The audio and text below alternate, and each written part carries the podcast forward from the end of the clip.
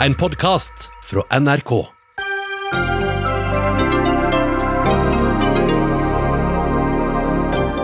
Staten bør kjøpe seg opp i SAS for å redde selskapene og arbeidsplassene, sier Senterpartiet. Det avviser Høyre, som mener staten må holde seg på en armlengdes avstand. Fri oss fra PR-byråene og deres selvhøytidelige sprøyt, skriver politisk redaktør og ekspolitiker Snorre Valen. Han forstår ikke hva byråene jobber med, svarer partner i Gelmøyden Kise. Det grønne skiftet kan bli en kostbar lek for særinteresser, mener Senterpartiets Ola Borten Moe. Særinteresse kan Borten Moe selv være, svarer klima- og miljøminister Sveinung Rotevatn. Og Astrup Fearnley-museet har solgt et kunstverk for svimlende 820 millioner kroner. En sorgens dag, sukker norsk kunstkritiker.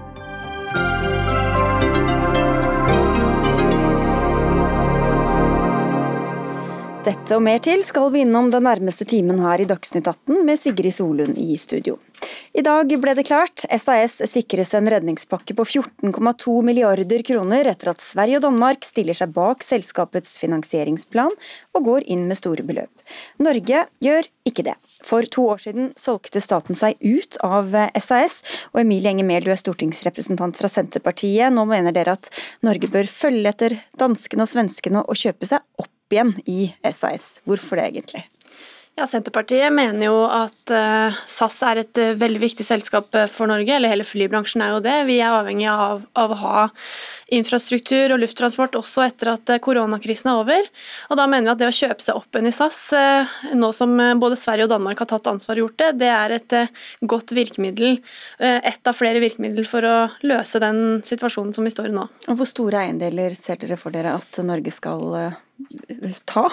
Nei, nå har jo Sverige og Danmark kjøpt seg opp til omtrent 14% og sist eh, Norge hadde, hadde eierandeler i SAS, som bare er to år siden, så var det rundt 10 Så et eh, nivå tilsvarende det eh, som Sverige og Danmark har stilt opp med, det bør også Norge kunne gjøre. Og det er jo litt synd at nå har flere skandinaviske land gått inn for å ta ansvar og redde SAS, mens den norske regjeringa ikke vil ta det ansvaret fordi at de prinsipielt er imot statlig eierskap. Senterpartiet mener at statlig eierskap, spesielt i det tilfellet, kan være en, et godt virkemiddel fremover. Og Hvorfor mener dere ikke det, Guro Angel Gimse, du er stortingsrepresentant fra Høyre? Så lenge at det er lønnsomt å drive med luftfart eh, i Norge, så skal vi holde oss eh, unna et eh, stort eierskap i et flyselskap. Så er vi jo i den situasjonen nå at det er en unntakstilstand. Vi har hatt en flybransje som har slitt, og der har vi gitt kraftige støttepakker som har gitt dem pusterom. Og så håper vi det at vi vil få normalsituasjoner etter hvert her nå. Om ikke, så kan det jo hende staten må gå inn og støtte på andre vis. Men det å gå inn i ett selskap på dette viset og kjøpe opp, det har vi ikke tro på. Vi har også Norwegian og Widerøe. Eh, skulle vi også gå inn i dem eh, flyselskapene? Mm. Her må vi handle ut ifra både rettferdighetshensyn og det som er hensiktsmessig, og det her syns vi ikke er noen av delene. Det er jo et kommersielt marked det her. Hvorfor skal eh, Norge kjøpes opp i ett av flere flyselskap? Altså Nå er det jo en konkret initiativ fra svenske og danske myndigheter som gjør at eh, debatten om SAS er aktualisert, og SAS har også en lang historie med norsk statlig eierskap. Senterpartiet var jo også imot eh, at vi skulle selge oss ut derfra for to år siden, fordi at vi mener at det har vært et godt eierskap over 70 år, og vi solgte oss ut når det var gode tider. Nå er det litt dårlige tider. Da kan det være en god idé å kjøpe seg inn igjen. Og så er ikke det til hinder for at man har andre effektive tiltak som treffer hele flybransjen. For det er jo også noe som regjeringa eh, svikter på. Nå er det mange tiltak som har vært innført som er i ferd med å løpe ut. F.eks. permitteringsordningene, eh, fritak for eh, forskjellige avgifter, flypassasjeravgiften. Og det må jo forlenges for å få en forutsigbarhet for hele flybransjen. Men, men hvorfor skal man søke, eh, kjøpe seg opp i akkurat SAS og ikke Widerøe f.eks.? Nei, SAS har et, et spesiell, en spesiell historie. Det er jo et, vært, tidligere vært et felles skandinavisk selskap. Vi har lang historie der fra det er statlig eierskap i SAS. Er det historiske som gjør ja, at man skal kjøpe seg opp der? Og det er også nå et helt konkret initiativ fra svenske og danske myndigheter som gjør at det er aktuelt. Og Stortinget har jo også hjulpet eh, både Widerøe og Norwegian på andre måter tidligere. Så vi mener at eh, debatten om SAS er aktualisert nå, og det hadde vært klokt av Norge å følge opp de initiativene som kommer fra Danmark og Sverige. Og Gimse, hvor er logikken i at vi skal eie f.eks. i Equinor og Vy, men ikke ha eierinteresser i akkurat SAS? Ja, vi har jo direkte eierskap i en god del selskaper, hele 73 faktisk. Og det gjøres jo en vurdering jevnlig av eh, regjeringa om hvilke selskap vi bør ha et eierskap i. Men eh, primært så ønsker vi at næringslivet eh, skal være privateid. Ja, men da, da hører vi at ikke det er det overalt. Så hvor er logikken i at man skal eie noen selskaper og andre ikke? Ja, Det er jo en helhetlig vurdering som gjøres hvert Hva eneste år. Hva er den helhetlige vurderingen her, da? Ja, altså Når det gjelder et kriseramma selskap som SAS her nå, i et uh, i utgangspunktet lønnsomt marked som det flymarkedet er i Norge, så ser vi det ikke som hensiktsmessig å gå inn og kjøpe. og Statens rolle her må bli som en tilrettelegger, som den som regulerer.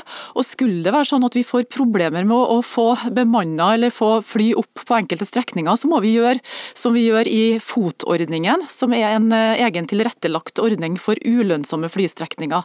Men da går staten inn som en innkjøper, ikke som eier. Og Da er også alle de tre flyselskapene våre, Norwegian og Widerøe også, likestilt og har muligheten til å gi anbud på de her strekningene.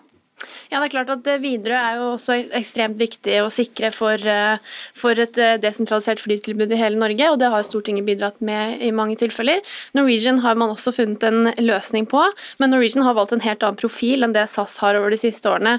Men eh, SAS er et selskap som altså det, det, Diskusjonen her handler først og fremst om å sikre kritisk norsk infrastruktur, om å sikre at vi har et lufttilbud. Men må man eie for å gjøre det? Altså, ja, det er, har vi ikke hatt det de siste to årene når ikke vi har hatt eierinteresser av det? Nei, Det er jo et, av, eh, et virkemiddel som man kan bruke. Eh, Staten eh, har jo vært eier tidligere når det har vært gode tider, og vi bør jo også kunne gå inn når, når vi ser at både Danmark og Sverige tar det ansvaret. Men, og det er jo ikke sånn at det, det, er det eneste virkemiddelet her. Nei, det har du sagt. Men, men, hvilke eksempler har du da på at Norge har brukt det eierskapet på en effektiv måte for å få til disse politiske mm, ønskemålene, som man ikke kunne brukt andre virkemidler til å få til? Nei, det er klart at Nå har vi jo ikke hatt en sånn ekstraordinær krise som koronakrisa, som har ramma alt reiseliv, all luftfart på den måten. Men eh, det, den måten staten kunne ha gått inn på, det, er jo bare å se Så til ingen eksempler egentlig da på at vi har ja, brukt eierinteressene på den måten? Det er bare å se til det Sverige og Danmark gjør akkurat nå. De har gått inn med et eierskap, de har gått inn med krisepakker, så de tar jo egentlig ansvar for at vi nå fortsatt får et skandinavisk selskap som har hovedkontor i Skandinavia, for å sikre flest mulig arbeidsplasser i det selskapet. Norge står helt på sidelinja og tar ikke ansvar. Mens, og Det mener Senterpartiet at vi burde ha gjort. Mens, Norge, nei, mens Sverige og Danmark gjør det, Gimse? Eh, ja, de, de, velger andre løsninger enn eh, oss. Eh, det er jo fordi at det er mulig at det er en ideologisk tilnærming på det òg, om hvor mye en stat bør gå inn og eie.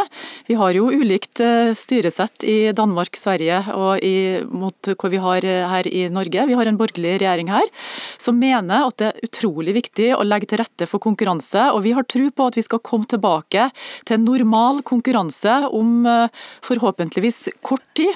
Og da er ikke svaret å gå inn og bli stor som stat i, en, i et privat foretak. Samtidig så har jo staten brukt mye penger i mange andre sektorer nå i det siste. Og selv om SAS får en redningspakke, så må de altså spare inn 4 milliarder svenske kroner.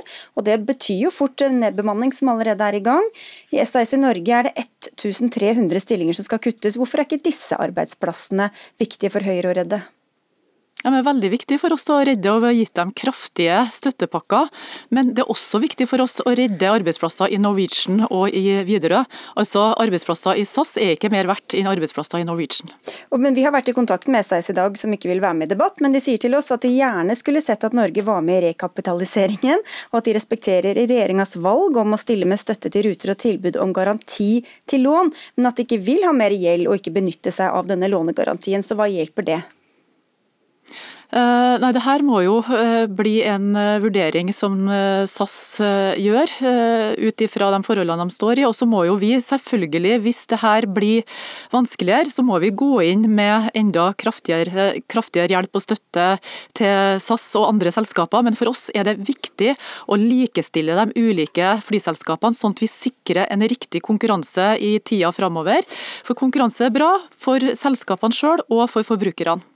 Ja, Nå har jo flyselskapene fått eh, en del tiltak som tiden er i ferd med å renne ut for, eh, og som regjeringa burde videreføre. F.eks. har de fått eh, fritak fra lufthavnavgift, Den, det utløper 1.7. De har fått fritak fra flypassasjeravgift. Og så har man også hatt permitteringsordninger for ansatte som har gjort at bedriftene har kunnet ha ansatte i jobb istedenfor å si dem opp. Men det er akkurat som at Høyre tror at krisa er på vei til å gå over og at ting skal normalisere seg, men det er ikke tilfellet. Den sommeren her blir helt avgjørende. og Hvis ikke f.eks. regjeringa kommer på banen nå og sier at permitteringsordningen må utvides fra 26 uker til 52 uker, så kommer mange til å bli sagt opp nå, istedenfor at bedriftene sånn som SAS, Norwegian og videre kan holde de litt lenger jobb. Vi går ikke inn i permitteringsdebatten, den har vi hatt et par ganger, men vi går til deg, Hans Jørgen Elnes. Du er flyanalytiker i ditt eget selskap Winair AS. Og nå ligger det altså denne redningspakka på bordet for SAS. Hva kommer den til å få å si for selskapet? I utgangspunktet så er den redningspakken såpass god nå at selskapet vil kunne holde seg, fly, holde seg flyende de neste to årene. Og Det var også planen eh, med, med, dette fra selskapets ledelse. Så De får jo nå 12,5 milliard tilgang sannsynligvis til 12,5 milliarder svenske kroner i kapital og gjeldskonvertering. Og Da er de på, på samme nivå som det Norwegian gjorde eh, når de rekapitaliserte seg. Eh, så det er klart at Nå har SAS eh, gjort de grepene. De har sagt opp 5000 ansatte. Ca. 48 av selskapets totalt 10 500. Eh, og selskapet blir kraftig nedskalert i flyruter og sånne ting også fremover de neste to årene. Og jeg tror at vi trenger altså konkurranse i luften. Vi trenger tre flyselskap. Vi, vi tror vi må være ryddige på at det er ikke ett selskap som kan, kan blir begunstiget hvis de to andre selskapene ikke får det. Da må regjeringen på en måte ta alt under én kam. Eh, det ville vært veldig uheldig for bransjen å samholde gjennom, mellom flyselskaper, mellom ansatte, om det hadde vært et selskap med rød nese eller blå hale eller grønne fly som hadde fått denne støtten, og de to andre ikke hadde fått det. Men hvis eh, man hadde kjøpt seg opp da, fra norsk side i SS, hva, hva hadde det fått å si? Nei, De hadde ikke fått noe spesielt å si. Det som skjer i den pakken som, som Sverige vi kan ta godt på det, gjør nå, det er at de kommer til å gå opp med en eierandel fra i dag ca. 30% til 40 Hvis eh, SAS klarer å hente inn eh, de kapitalen fra markedet på en vanlig vis. Hvis det ikke skjer, så har Sverige og Danmark eh, gitt en bakdørsløsning hvor de faktisk vil ta mesteparten av de kapitalkostene, eller mm, gi den kapitalen som SAS trenger. Da går de opp i 69% eierandel, og da er jo SAS mer eller mindre nasjonalisert. Mm. Og så hørte vi her eh, fra Trondheim at uh, nå er det bedre tider. Kan vi se for oss at, det, at vi kommer tilbake til en normalsituasjon i løpet av et år eller to i luftfarten? Det er veldig vanskelig å gi eh, et skikkelig svar på nå. Det, vi som følger med litt på makradata ute i verden, ser at booking og sånt fremover i tid har aldri sett så dårlig ut noen gang. Og Nå kommer vi inn i den farlige vinteren hvor trafikken er ned og behovet for kapital er til stede for selskapene. De skal også bygge seg opp. Eh, og Det er langt fra over dette, her, så det er altfor tidlig å avklare denne situasjonen og si at nå er, eh, nå er selskapene reddet. Og Hva slags tiltak kan hjelpe da, dersom man ønsker at det skal bli mer flyvninger? Altså, det myndighetene må gjøre i første omgang, det er de må se på denne permitteringsordningen eh, og øke fra 26 til 52 uker. Det tror jeg ville hjulpet veldig mye med oppsigelser i mange bransjer som er relatert til reiseliv. Og Så må de se på avgiftene som, som gjelder, og da primært flypassasjeravgiften. Den må vekk. Den må vekk fra med nasjonal eller statsbudsjettet neste år. Og så er det moms på innenlands flybilletter, det må også bort eh, inntil videre. Og så gjelder det at Avinor tilrettelegger for et avgiftsnivå som gjør at disse selskapene kommer litt lavere ned i hva det koster å operere i Norge når de nå skal bygge seg opp. Da har man tatt de grepene der, og så må man se hvordan bransjen utvikler seg. Hvis det går skikkelig gærent her, man si at det kommer en fase to hvor, hvor smitten utbrer seg igjen og man stenger ned forskjellige land, så vil flyselskapene bli truffet igjen med en gang, og da vil de ha tiltak. Bare for å gi det to tall og vise hvor mye det koster for SAS og Norwegian i måneden. SAS har en kostnad per måned på 3,4 milliarder svenske kroner. Norwegian har ca. 3 milliarder norske kroner i kostnader med å drive selskapet sitt. Og de forsvinner, Da er det dyrt når ikke man får inntekter. SAS har i hvert fall kjøpt seg tid. Takk skal dere ha alle tre. Hans Jørgen Elnes, er flyanalytiker, til Guro Angell Gimse fra Høyre, og til deg, Emilie Enger Mehl fra Senterpartiet. Hør Dagsnytt 18 når du vil. Radio NRK.no.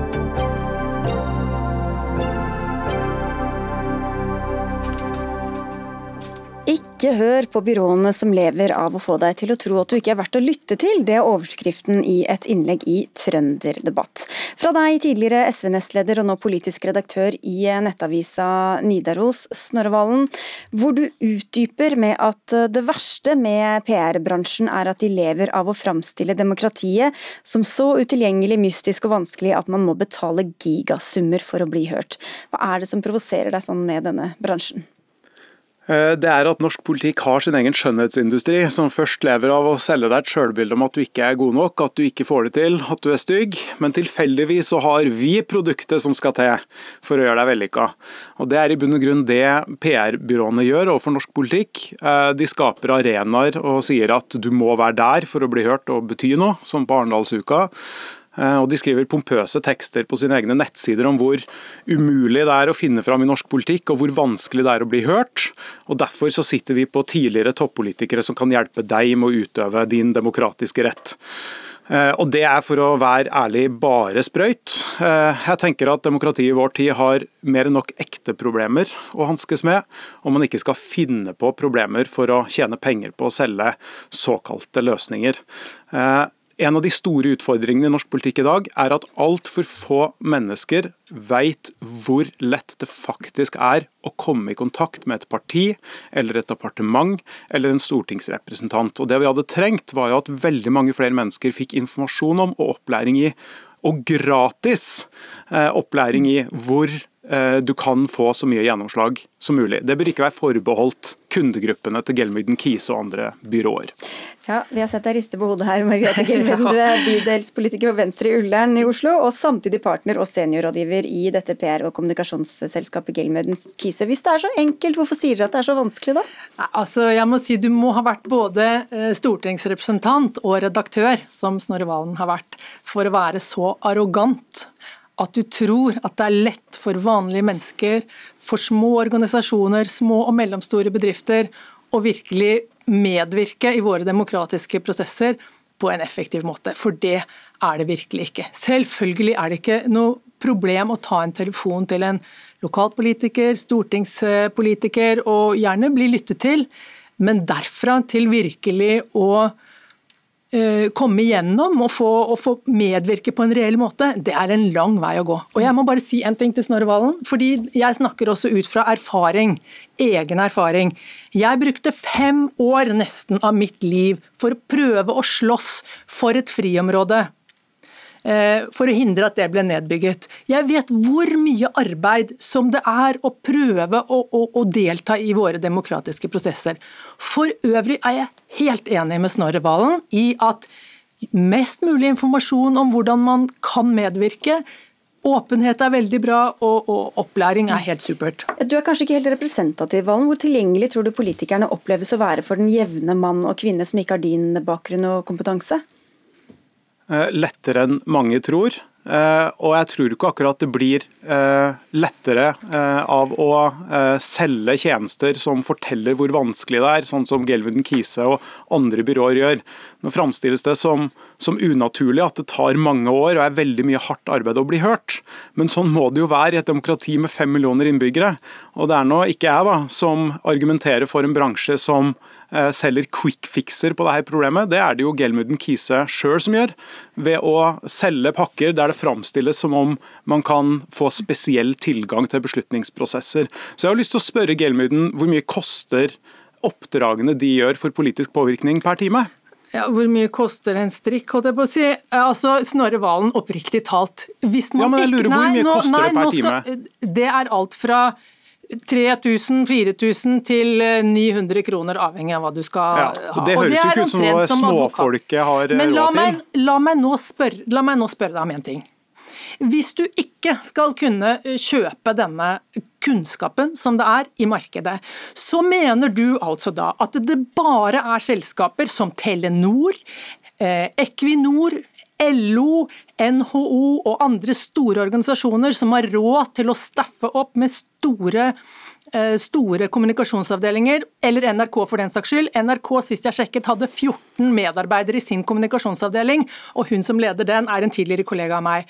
Så er det da sånn, Snorre Valen, at det er bare de største selskapene som skal ha råd til å kjøpe seg kunnskap om hvordan demokratiet vårt virker, og hvordan man medvirker i det. Eller skal det også være greit for små bedrifter, små organisasjoner, vanlige folk å kjøpe noen timer, eller må man faktisk ansette en eller flere mennesker?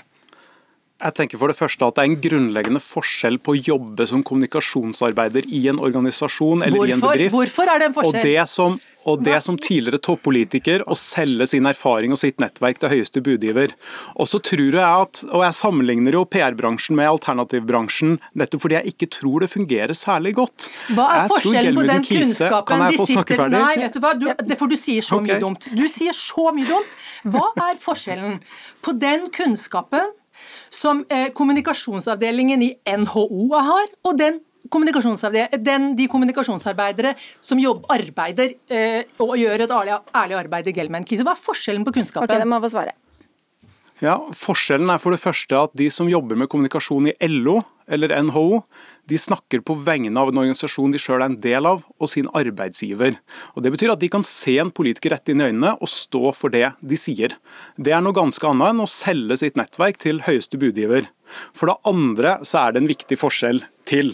Og det at verken LO eller NHO tegner opp et fiktivt bilde overfor alle andre av hvor vanskelig det er å nå fram politisk, og så tar betalt for å løse det på vegne av kundene. Jeg kan jo lese opp, Siden du snakker om så mye tull, så kan jeg jo lese opp noe fra Gelmin Kise sine nettsider. De skriver i en jungel av stemmer er det vanskelig å bli hørt av de rette menneskene til rett tid. Eh, offentlig forvaltning og myndigheter har komplekse beslutningsstrukturer og saksprosesser, og kjennskap til og innsikt i hvordan disse prosessene fungerer. Med brei sammensatt politisk erfaring og kompetanse bistår vi våre kunder i prosessen for medvirkning i samfunnet. Hvis det er sånn at Gelmund Kise har rett, og en er nødt til å bruke et byrå som koster som du sier, alt fra 900 kroner til 3000 kroner i timen for å greie å medvirke demokratiet. Hvis det er sånn at Gelmund Kise har rett, så har jo demokratiet et veldig mye større problem enn det jeg beskriver. Definitivt. Da har vi jo et demokrati der man må kjøpe seg til innflytelse, men jeg tror nemlig ikke det stemmer. Jeg tror Gelmund Kise, Kruse Larsen, First House og mange andre byråer selger en komplisert framstilling av demokratiet istedenfor eh, å drive med PR-virksomhet innenfor enhver annen sektor, som dere sikkert gjør bra, og som dere burde fortsatt med. Ja, men For Gelmuden, Hvordan skal folk eh, tørre å ta kontakt med et departement eller med en stortingspolitiker når de da får høre bl.a. ut fra deres nettsider at dette er så uoversiktlig, ugjennomtrengelig og vanskelig Men det er ikke vanskelig å ta kontakt med en stortingspolitiker. Det er det er ikke vanskelig. Nei, nå må, du, nå må du la meg snakke ut. Det er ikke noe vanskelig. og Jeg er jo selv lokalpolitiker, og jeg får masse telefoner og henvendelser og e-poster fra folk som bor i det nærmiljøet jeg bor, som jeg er lokalpolitiker for. Jeg hjelper dem så godt jeg kan, men jeg har ikke tid til å gjøre den jobben som skal til. Skrive det høringsnotatet, gå i alle de møtene, samle folk til en, til en aksjon, eh, holde oppdatert Men du kan fortelle dem hvordan kan, de skal gjøre det? Ja, og det gjør jeg med glede. Gratis. Og det gjør jeg gratis med glede, de som, som politiker. Men jeg kan jo ikke gjøre hele jobben for dem. Og jeg kan heller ikke og, jeg kan også, og jeg kan også da gjerne gå, eh, bruke den tiden jeg har til å kanskje gå til bystyret og be dem ta mer hensyn til de som bor. Så, så jeg kan også hjelpe dem. Og så, Snorre Valen, er det ikke riktig at vi Eh, altså, vi, vi selger ikke noe nettverk, vi selger kunnskap. Vi sier til våre eh, oppdragsgivere hvis du ønsker å medvirke i denne saken, så er det disse politikerne som er opptatt av det. Det er her du bør henvende deg. Prosessen er slik og slik. Det, tar ikke dere dette- kontakt på vegne av dem også? Nei, vi tar ikke kontakt med politikere på vegne av våre oppdragsgivere. Det er i så fall eh, uhyre sjelden. Mm, Vi tar Jeg har nå selv vi opplevd hjelper- akkurat det flere ganger som vi- stortingsrepresentant, Ja, det kan godt hende. Men kan- ikke fra Gelman Kise, det ser jeg ikke helt for meg. Snorre Valen. Nå tror jeg Mhm. du tar litt hardt i. Det er andre byråer i vår bransje som gjør det, men vi hjelper våre kunder å, la, og forstå det kartet i det terrenget de skal inn i. Ok, Tilbake til startsnarvalen, for det er jo faktisk sånn at det er mange som ikke engang er sikre på forskjellen mellom regjeringa og Stortinget. og Hvordan skal de da Ja. vite hvordan prosessene fungerer, hvem som bestemmer, og når det er lurt å komme med sine innspill i langvarige, vanskelige prosesser? Mm, det er et veldig viktig spørsmål, og jeg tror vi er veldig ille ute om man må betale for den innsikten. Og En ting jeg nok sikkert burde hatt med i min kommentar, det er jo en utfordring til de offentlige myndighetene må være mye mer offensiv der. Jeg vet at Stortingsadministrasjonen holder helt fantastiske kurs for lærere f.eks. Kanskje burde de også gjort det for næringslivet. Jeg vet at kunnskapsnivået om politiske prosesser er for lavt i norsk næringsliv, høyere i norsk organisasjonsliv, naturlig nok. Men jeg tror at det aller meste av politisk innsikt og innsikt i hvordan du påvirker politiske prosesser, er og skal være gratis. Når en organisasjon som Natur og Ungdom altså, greier å være så effektive du, lobbyister som de er Hvorfor skal det være gratis? Så, hvorfor skal du kunne ansette 14 Hvorfor skal NRK kunne ansette 14 kommunikasjonsarbeidere? Det er helt greit. Slutt å bruke NRK som eksempel. De jobber ikke gratis. Men, okay. men å være en liten bedrift og kjøpe én person i ti timer, det er ikke greit. Altså, dette henger ikke på greip, Snorre Valen. Vi må avslutte. Du får finne punktum med Snorre Valen. Ja, nei, jeg kan jo, Siden det hevdes at det ikke er sånn at man selger nettverk, så kan jeg jo lese opp hva som står på nettsidene til en av deres konkurrenter. da, i Gelman Kise. De får snakke for seg selv. Eh, ja, Våre rådgivere kommer selv fra politikken. Det er denne erfaringen vi tilbyr våre kunder. Altså Tydeligere kan det jo ikke sies. Det er ikke heldig, og det skaper et bilde av at du må være på innsida for å høres. Og jeg tror det påvirker andre mennesker når de hele tida blir fortalt at du må kjenne ekspolitikere og betale penger for å høres. Og NRK, da. For et dystopia du tegner opp nå av det norske demokratiet. Takk det er skikkelig trist. Vi har i hvert fall offentlige debatter eh, hos oss, og det var veldig kjekt. Takk skal dere ha, Margrethe. Grete Gelmeden og Snorre Valen.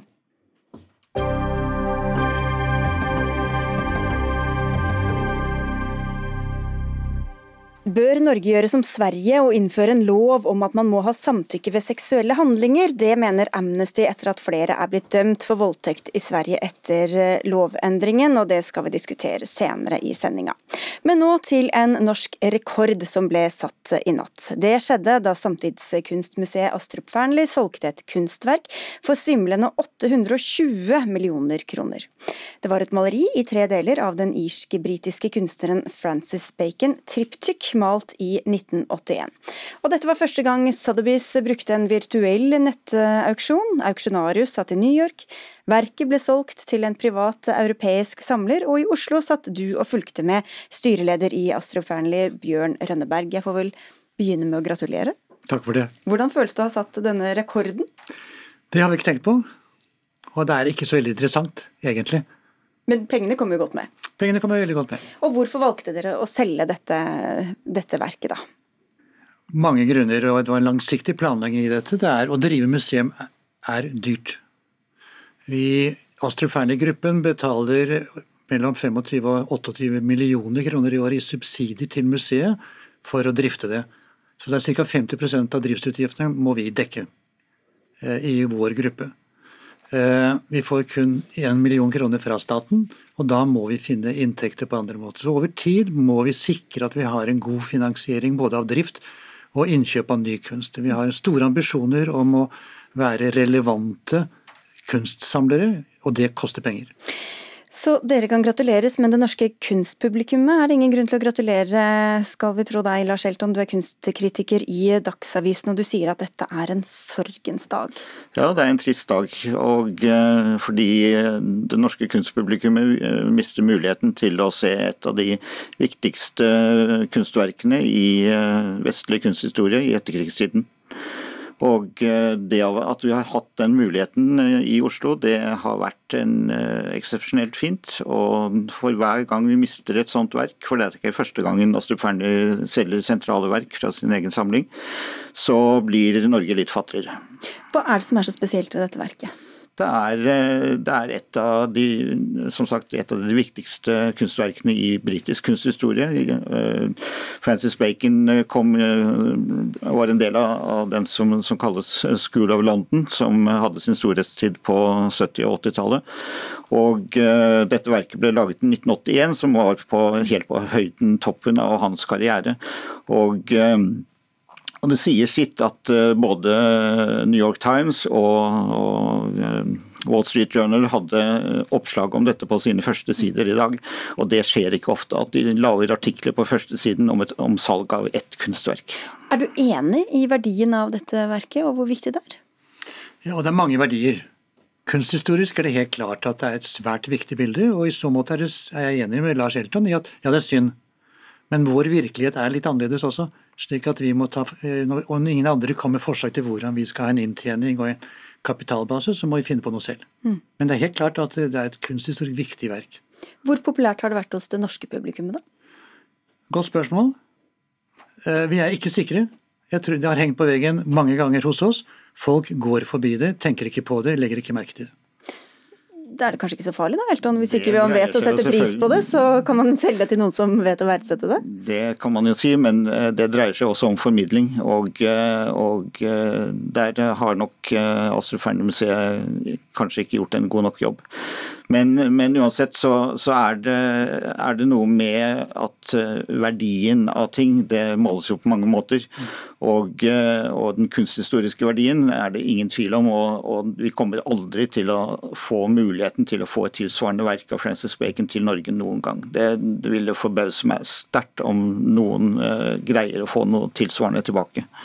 Men Hvordan mener du at de skulle tjent disse pengene, da, som jo de er avhengig av å skaffe? Nei, nå har jo uh, museet gjort sine hoser grønne hos staten og Kulturdepartementet i, og forsøkt å få økte bevilgninger gjennom mange år. Og eh, dette her er jo da eh, i hvert fall en måte å, å si til staten at eh, vi trenger ikke penger fra staten.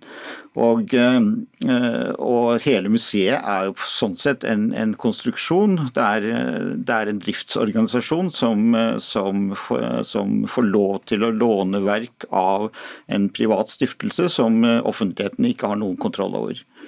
Sånn at uh, Dette er en, for så vidt en vanlig konstruksjon, og det er ikke noe galt i det på noen som helst måte, men, men, uh, men jeg skjønner at, uh, at, staten er skeptisk til å bevilge penger til en sånn type stiftelse.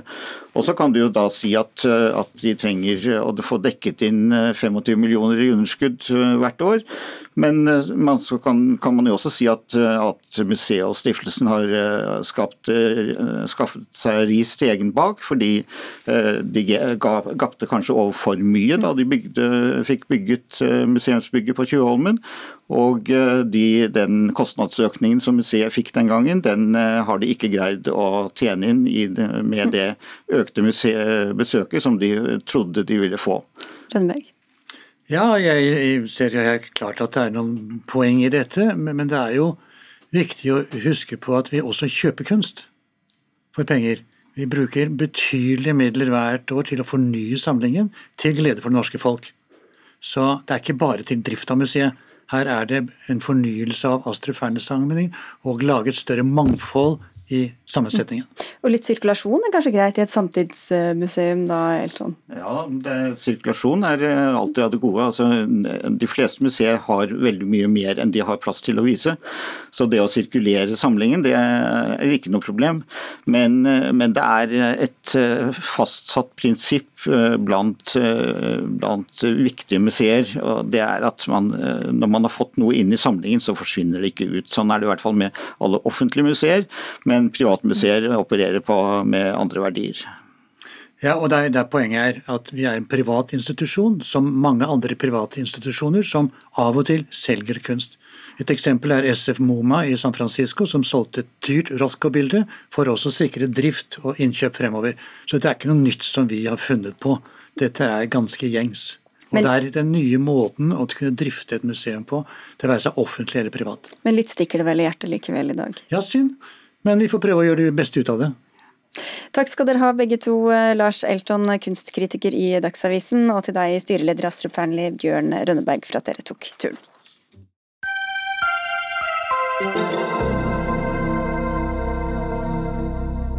I eh, mange år har vi hørt om det grønne skiftet, når vi skal vekk fra fossil avhengighet til å bli et eh, lavutslippssamfunn. Men dette grønne skiftet kan bli en kostbar lek for særinteresser uten reelt innhold.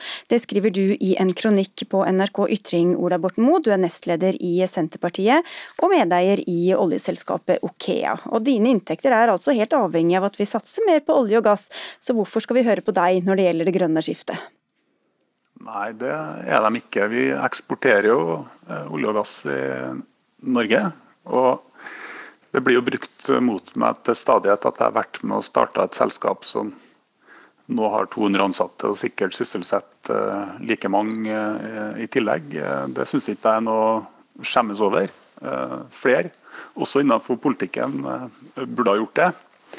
Eh, når det er sagt, så er den eh, kronikken jeg skrev, det er jo en kombinasjon av en frustrasjon rundt at alt naturbasert næringsliv og verdiskaping i Norge er under et voldsomt press.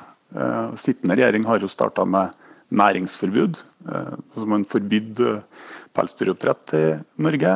Man har forbydd nydyrking av myr. Man ønsker å verne stadig mer av skogen vår. Og vi ser også innenfor fiskeriene oppdrett, kraftproduksjon, selvsagt olje og gass, gruvevirksomhet så er det veldig problematisk å dra i gang den type aktivitet og videreutvikle den type aktivitet i Norge. Og så blir Eh, svaret, eh, litt diffust fra, fra, hovedstaden, det er jo en slags sang om at bare vi eh, avgiftsbelegger forbruk nok til vanlige norske forbrukere, og bare vi subsidierer nye initiativ og, og, og industrireisingsprosjekt, så vil vi klare å erstatte et naturbasert næringsliv som vi faktisk lever av, og som skaper de verdiene vi nyter godt av i Norge i dag, med et eller annet som vi ikke vet er i fremtida.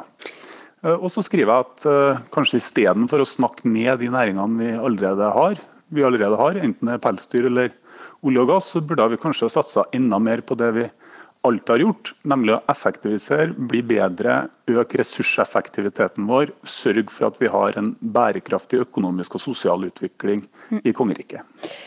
Klima- og miljøminister Sveinung Rotevatn, du har svart eh, Ola Borten Moe. Han har frekkhetens nådegave, skriver du, men hvor tar han feil, egentlig? Jeg skriver at han har frekkhetens nådegave, um, ikke fordi han skal skjemstå og være oljeinvestor, det må han jo bare få lov til, det er helt greit. Men fordi han eh, bare et par uker etter at Stortinget har vedtatt svært gunstige nye skatteregler for hans egen næring, som hans eget selskap nyter svært godt av, skriver en kronikk der han tar et harmdirrende oppgjør med at vi støtter grønn teknologi og klimasatsinger i Norge. Det syns jeg var relativt umusikalsk, for å si det forsiktig. Eh, men jeg mener også at han tar feil.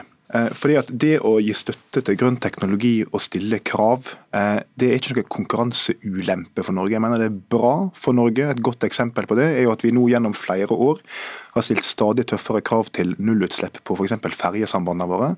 Det gjør at vi nå får en haug med nullutslippsferjer. Det kutter utslipp, det er noe veldig bra. Men det gjør også at de komplette maritime klyngene vi har langs hele kysten blir konkurransedyktige inn i det grønne skiftet, og kommer til å levere lavutslippsløsninger eh, etter hvert over hele verden, forhåpentligvis, fordi vi våger å stille krav. Det er ikke feil å stille krav, det er bra. og det gjør at vi er konkurransedyktige ikke i fortidas næringsliv, men i framtidas næringsliv. Ja, Mo, du sier at det grønne skiftet bør handle om å fortsette å forsterke det vi allerede gjør. Du sa i stad at det handlet om eh, bl.a. å effektivisere, men hvordan skal vi få et grønt skifte og forsøke å bremse klimaendringene hvis vi fortsetter med det vi holder på med i dag, som jo også er årsaken til de samme klimaendringene? Ja, jeg vil jo mene at vi, eh, altså Grønt skifte er jo ikke noe som skal skje i fremtida. Et grønt skifte er noe som eh, vi i Norge har stått i i lang tid. Eh, og Tar du tallene, så er jo de veldig tydelige. Vi har over tredobla bruttonasjonalproduktet i Norge de siste 30 årene. og Vi har blitt over en million flere mennesker. Likevel så har ikke klimagassutslippene gått opp. Det sier ting om ressurseffektiviteten, at den har blitt bedre.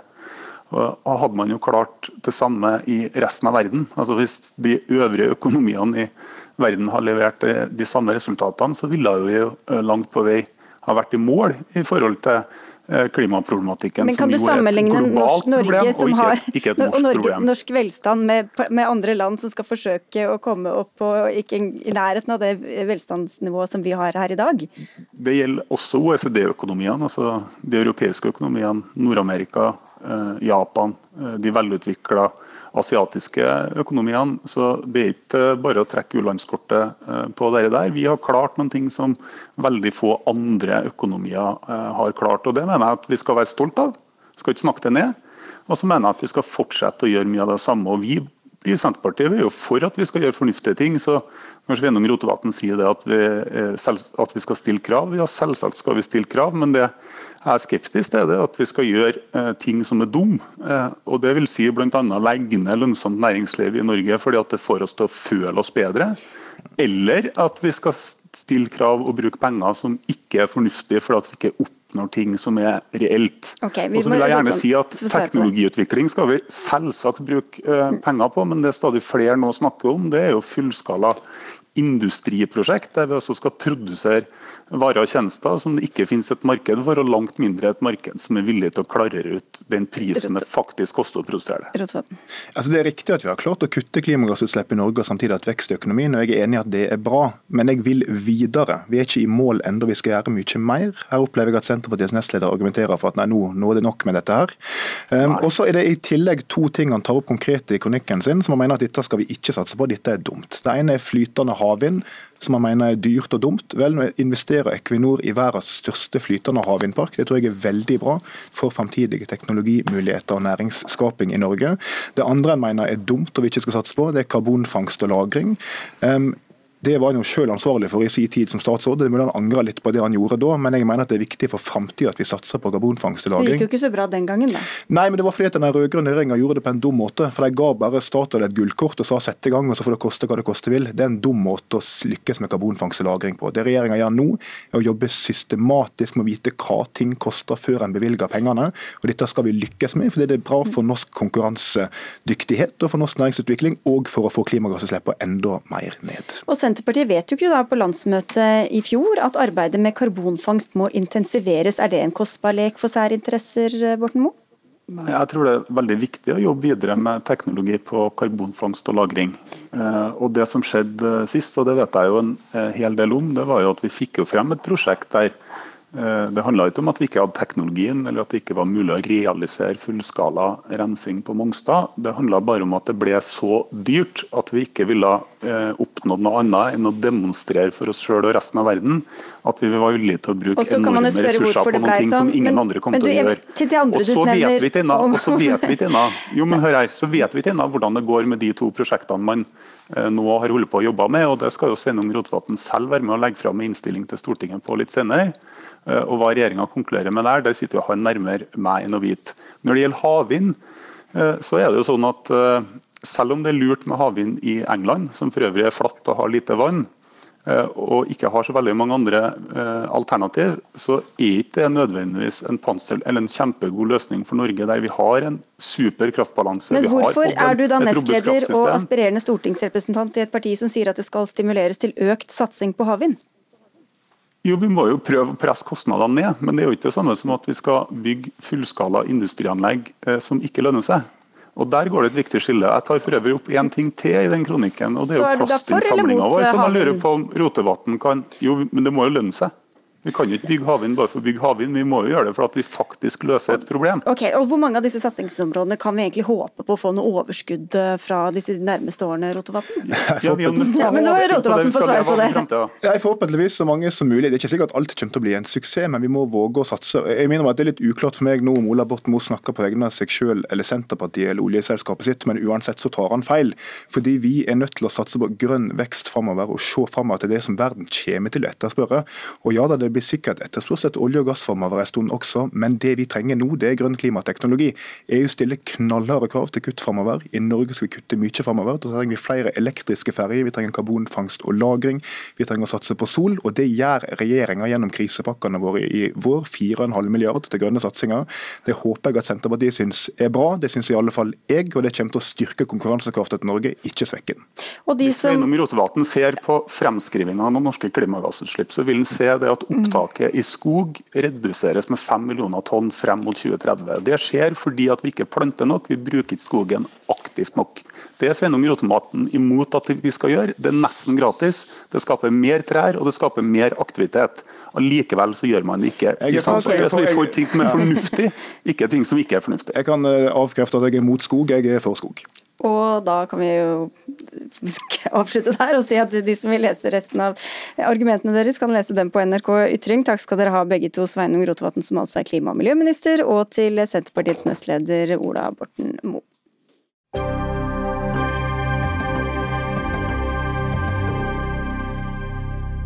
For to år siden innførte Sverige en ny samtykkelov som bl.a. gjorde det forbudt å ha sex med personer som ikke tydelig gir uttrykk for at de ønsker å delta i en seksuell handling.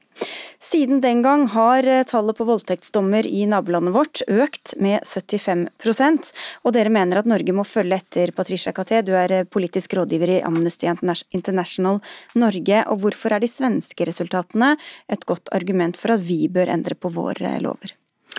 For det første fordi loven helt entydig fastslår at det å ha sex med en person som ikke deltar frivillig, eh, er straffbart som voldtekt. Og det gir en viktig normativ effekt som vi trenger i Norge, der én av ti kvinner oppgir at de har vært utsatt for voldtekt minst én gang i løpet av livet. Så har vi jo diskutert samtykkelov i Norge ved mange anledninger, og det er kommet mange argumenter mot. Veldig mange av de motargumentene faller gjennom evalueringen av den nye loven som nå er gjort, som viser at loven fungerer veldig bra. Det er saker som nå reises for retten som ellers ikke ville vært reist. Det er flere anmeldelser, det er flere tiltaler, og antallet domfellelser har økt med 75% Men hva ligger egentlig i denne loven, altså at man må ha et samtykke?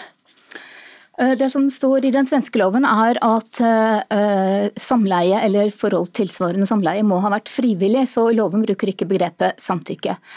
Eh, og de har, akkurat som Norge, hatt en lov tidligere hvor det ble stilt krav om bruk av vold eller tvang, eller eh, å ha samleie med en person som var i en sårbar situasjon. Eh, og det, det Forskjellen er nå at det du skal bevise i retten, er at samleie ikke var frivillig. Og Det betyr at en person som sier nei, en person som stivner og fryser til, som veldig mange voldtektsoffer gjør, eh, de blir stive av skrekk, de klarer ikke å røre på seg. Man trenger ikke å bruke vold eller tvang for å uh, uh, få sex med en person som har stivnet. Guro Angell Gimse, velkommen tilbake. Du er stortingsrepresentant for Høyre fortsatt, og du er også nestleder i Høyres kvinneforum. Men du er ikke like overbevist over disse resultatene fra Sverige. Hvorfor ikke? Nei, først så vil jeg jo si at Det er veldig viktig for eh, Høyre å bekjempe voldtekt og sørge for at flest mulig personer blir dømt for det. Og Nå har vi jo i Norge et eh, modent fagmiljø. Vi har jobba med lovgivninga i mange mange år og har ligget 20 år foran Sverige. Altså For 20 år siden så gjorde vi jo grov uaktsom voldtekt eh, straffbart. Så den effekten som vi ser i Sverige nå, med 75% økning, den hadde vi også for 20 år siden når vi endra loven vår. Så eh, er det jo, i likhet med svenskene, en stor utfordring eh, det her med bevissituasjonen. Det er en kjempestor utfordring også å bevise at det har foregått vold, eh, trusler, eller at en person har vært bevisstløs, eller at en person ikke, eh, eller ikke er i stand til å motsette seg handlingen, sånn som er vilkårene for straff her i Norge. Og Da er det enda vanskeligere å bevise det når vi har en samtykkelov. Men stoler du ikke på retts, rettsvesenet i Sverige, og at de domfellelsene som nå er kommet er basert på, på eh, faktiske bevis i retten? Altså Forskerne som har fulgt utviklinga de to siste årene i Sverige, de eh, er også bekymra for eh, eh, saker som går på samtykke. De har jo ulike eh, nivå på domfellinga i Sverige òg. Og eh, de ser òg at det er en utfordring for rettssikkerheten å finne ut hvor grensene skal gå hen. Så de har store grensedragningsutfordringer på akkurat den eh, delen av loven i Sverige i dag. Så det her er svært skeptisk til. Og er også skeptisk til at eh, det fokuseres mer på offerets handlinger, om offeret sa ja eller nei, eller hva offeret gjorde, istedenfor å fokusere på gjerningspersonens handlinger. Eh, den evalueringen fra det brottsforebyggende rådet i Sverige er veldig veldig bra. så vil anbefale alle om å lese den. Og den, den, den sier jo tvert imot uh, det Guro Angell sier. Loven fungerer bra. Uh, det er riktig at det i Samtidig som en innførte en lov basert på frivillighet, også innførte eh, grov uaktsomhet. Det er et eh, skyldkrav som Norge har hatt i 20 år. Om noe av diskusjonene i Sverige handler om hvordan man skal se hvordan en voldtekt som er utført ved forsett eller hensikt, hvor grensedragningen er oppimot grov voldtekt. Den diskusjonen har vi hatt i Norge, det er vi ferdig med. Men det er veldig få saker som reises etter grov uh, forsett-kravet. Det er ikke der den altså store, det vi har i Norge? Eh, det som vi har ja. i Norge. Mm. Så den, den, økningen i de nye saker omhandler saker som under andre forhold ville falt utenfor loven, fordi det handler om en mangel på frivillighet.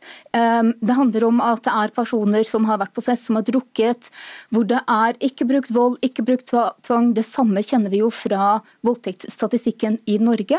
Eh, det er personer som har frosset, um, uh, og som uh, og det er situasjoner der det er et element av overraskelse. Ikke brukt vold, ikke brukt tvang. Det som er underlig, det er at du har hatt svenske kartlegginger over mange år, svenske offentlige utredninger over mange år, som har sagt at det finnes et hull i loven. og Det er derfor de har fått den nye loven i Sverige. Vi har den samme loven i Norge. Det er veldig rart at vi ikke får den samme konklusjonen i Norge. Det er hull i loven som gjør at mangel på frivillighet ikke er nok til å dømme til voldtekt, og det bør vi endre på snarest. Og ifølge Ifølge denne evalueringen den rapporten dere nevnte fra Sverige, så er bevisførselen Gimse, omtrent like sterk som i de fellende dommene fra 2017, altså før lovendringen. Så hvorfor er du da så redd for at bevisene blir for svake?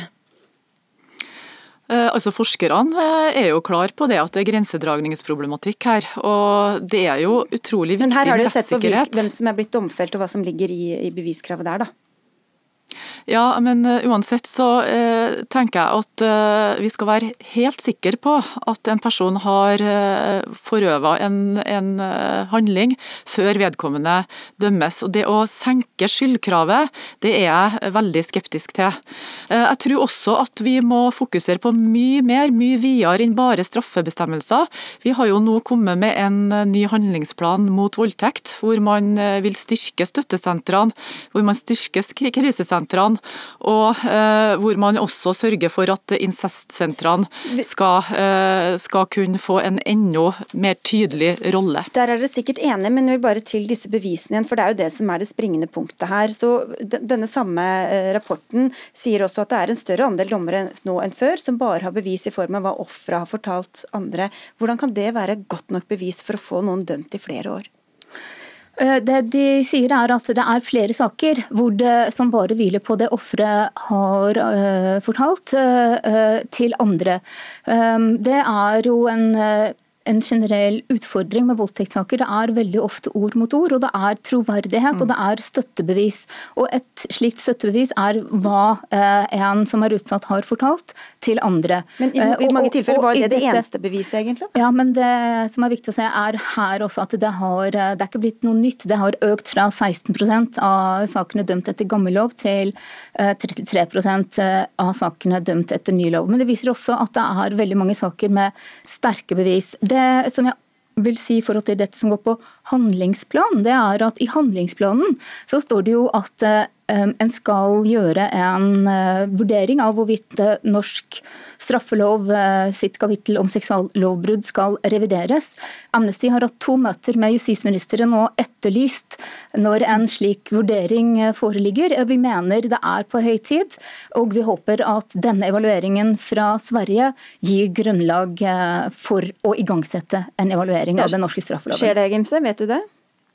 Litt ja, altså, felt, men... Eh, det, ja, nei, det skal gjennomgås eh, en eh, Eller straffeloven skal gjennomgås, det her kapitlet i straffeloven skal gjennomgås, men da helhetlig. Det er jo mange paragrafer der og Man har også en paragraf som går på seksuell handling uten samtykke, så, som ikke defineres som voldtekt, men faktisk en, en overtredelse mm. som er mulig å bruke når man ikke greier å bruke voldtektsparagrafen. Men, du, men eh, man ser jo det at man jeg skal bare spørre deg på, på til slutt her, Gimse. Jeg skjønner at her skjer det ting, men du har jo eh, jobbet i politiet selv som familievoldskoordinator også. og Bare den vissheten om loven, da, hvis den ble endret, kunne ikke den i seg selv forhindret voldtekter? Fordi folk ble mer årvåkne overfor de signalene til dem de har lyst til å ha sex med?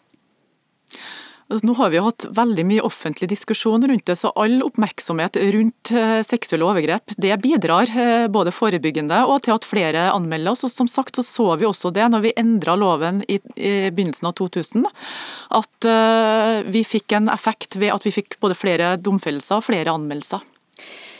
Og da må vi se det, hvilken vei det bærer eh, når dette eventuelt skal evalueres til høsten. Takk skal dere ha begge to. Patricia Kati, som er politisk rådgiver i Amnesty International Norge, og Guro Angel Gimse, stortingsrepresentant fra Høyre.